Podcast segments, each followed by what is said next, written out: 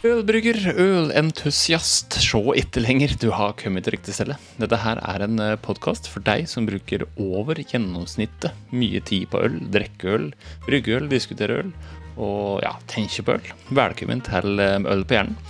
Podkasten om øl, eh, ølbrygging eh, med ølbryggere.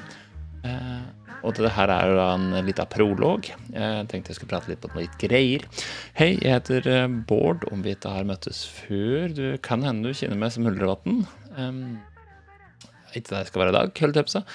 Jeg tenkte at i dag så skal jeg fortelle litt av historien, eller jeg skal i hvert fall prate på en liten betraktning, um, som er grunnen til at jeg sitter her og prater til deg i dag, og hvorfor jeg tror det er så jæsla viktig.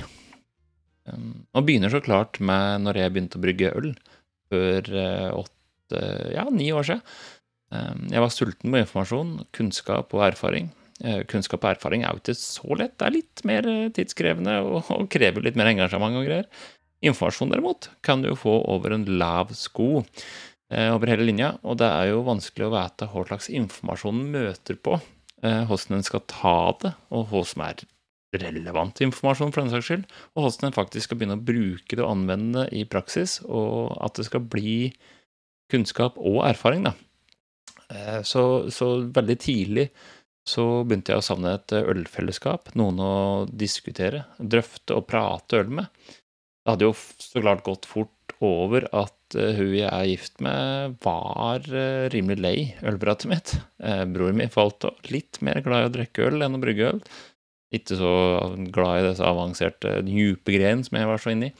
Eh, bestekompisen min begynte bare å jatte meg, så der satt jeg, da, mutters aleine, holdt jeg på seg. si.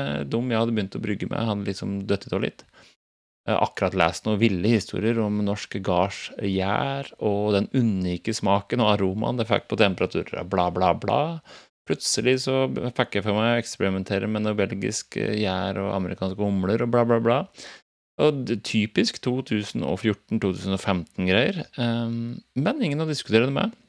Hvis du ikke meldte deg inn i et forum, da, så klart å, å kunne bruke det skrevne ord og lese og skrive, men jeg er ikke særlig god til det, er ikke min greie. Så jeg var litt eh, rådvill, holdt jeg på seg, en stund der.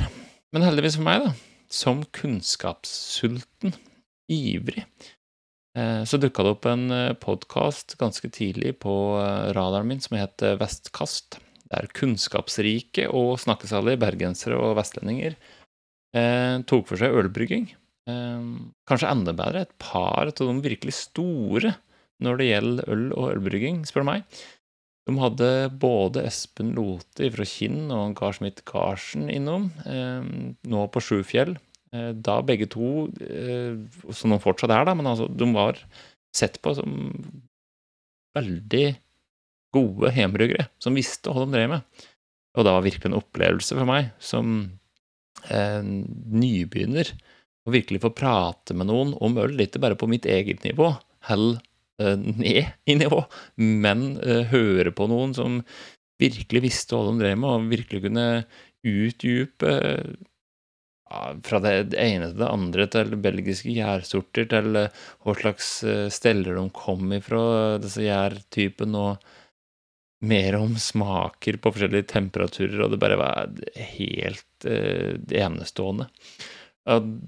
Det var jo flere ganger som å sitte på puben med dem og, og bare sitte og høre på og nyte flyten av erfaring og kunnskap som ble språkliggjort og tydeliggjort. Eh, og ikke slik eh, creepy tredje hjul på vogna, sitte der ja, 'Jeg unnskyld at jeg er til' holdning, men litt sånn virkelig få observere storhet og, og virkelig erfaring da, i praksis. Um, det var Slik jeg forsto det, så var det Rolf som var uh, vertskap. Uh, han var veldig flink til å dra ut gode spørsmål og stille og liksom finne ut litt av dette her. Hvorvidt mye han brygger av litt. Det er på en måte ikke relevant for eh, podkasten. Han var veldig flink til å spørre de rette spørsmåla, få inn spennende gjester som virkelig kunne det med ølbrygging, og hadde mye erfaring å, å komme med. Det var virkelig inspirerende da, og fascinerende for en aleinesitter som meg, som både var sulten på ølkunnskap og et ølfellesskap. Eh, det gikk fort over til at denne inspirasjonen tok jeg virkelig bare med meg videre så etter det så har jeg alltid hatt lyst til å drive en eh, ølpodkast. helt klart ikke for at jeg er noe Espen Lote på noe slags nivå, men jeg er virkelig glødende opptatt av ølbrygging. Jeg syns ølbrygging er liksom, er liksom, en greie. Det er så spennende på så mange måter, og det er eh, Derfor jeg dro i gang og prøvde å få i meg Jeg har prøvd å starte et eh, podkastprosjekt lenge, både med kjente og ukjente stemmer i ølmiljøet. Men det har jo dødd litt igjennom, så, så her er jeg, mutters aleine. Som sagt, ikke noe Espen Lote, men jeg har allerede funnet mange gode gjester til oss til første sesong, eh, der vi skal prate om øl og ølbrygging. Og jeg tenker at eh, sammen så skal vi klare å gå veien inn i puben, sette oss ned på barkrakken og, og Ja, du er velkommen inn. Eh, du og jeg og kanskje hun i nabobygda og kanskje et par til har lyst til å sitte her og prate øl. Så da er hjertelig velkommen til å sette deg og slå deg ned.